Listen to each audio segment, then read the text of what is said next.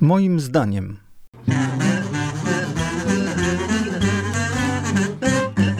Wielokrotnie złożonym.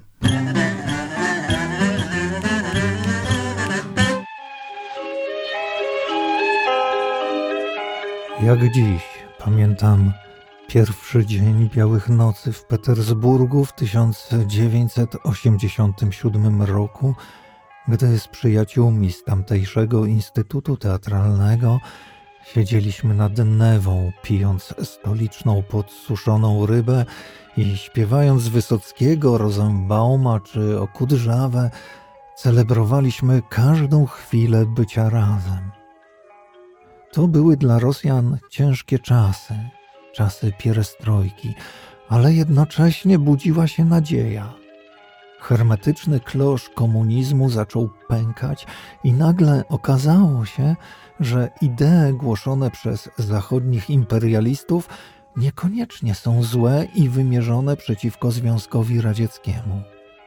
Tydzień po tygodniu wielonarodowy olbrzym zaczął się chwiać i rozpadać. Zapachniało czymś nieznanym. Zapachniało wolnością. Niestety, ale sprawdziły się przepowiednie tych, którzy głosili, że po dziesięcioleciach życia w strachu, niewoli, zamordyzmie i niepewności jutra Homo Sovieticus nie będzie umiał skorzystać z szansy, jaką dla tego wielkiego narodu była budząca się demokracja. Piętno ciągłych represji i zniewolenia wypaliło w Rosjanach głębokie rany, których zagoić nie potrafili kolejni przywódcy i kolejne rządy. Bladolice, ociekające krwią widma Lenina, Stalina, Berii czy Dzierżyńskiego, ciągle snuły się po komnatach Kremla, nie pozwalając zapomnieć i uwolnić się od koszmaru przeszłości. Dodatkowo w Nowej Rosji nie było elity, która potrafiłaby zadbać o szarych obywateli – przez lata niszczona, zsyłana do łagrów i unicestwiana inteligencja odradzała się bardzo powoli. Niestety, przegrywała ona na każdym polu z rodzącym się drapieżnym i pozbawionym jakichkolwiek skrupułów kapitalizmem. W społeczeństwie mieć zaczynało zdecydowanie wygrywać zbyć.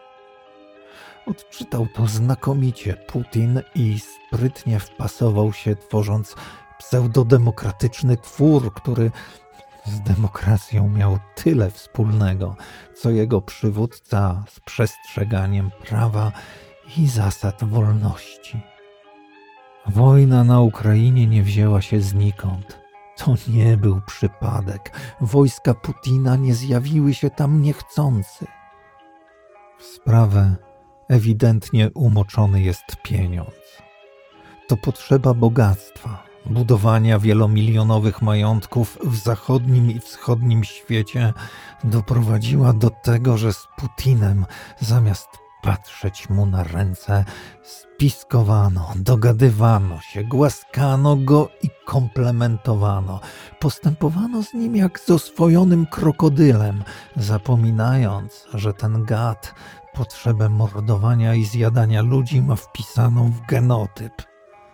I nawet jeżeli ją chwilowo się stłumi, to wyplenić się nie da.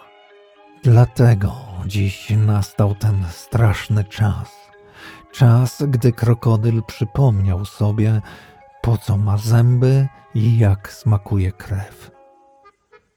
W obliczu śmierci kobiet i dzieci na Ukrainie wszelkie rozważania na temat różnorodności moralnej Rosjan mijają się z celem, a celem tym powinno być bezwarunkowe przerwanie ludobójstwa, zaraz potem ukaranie winnych i dopiero później próba budowania nowych relacji z Rosjanami. Rosjanami nie Rosją. Z Rosją się nie rozmawia. Ją trzyma się krótko za pysk albo opatruje ślady zębów.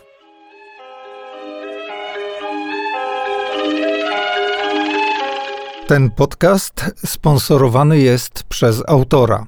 Z prostego powodu. Nikt inny się nie zgłosił.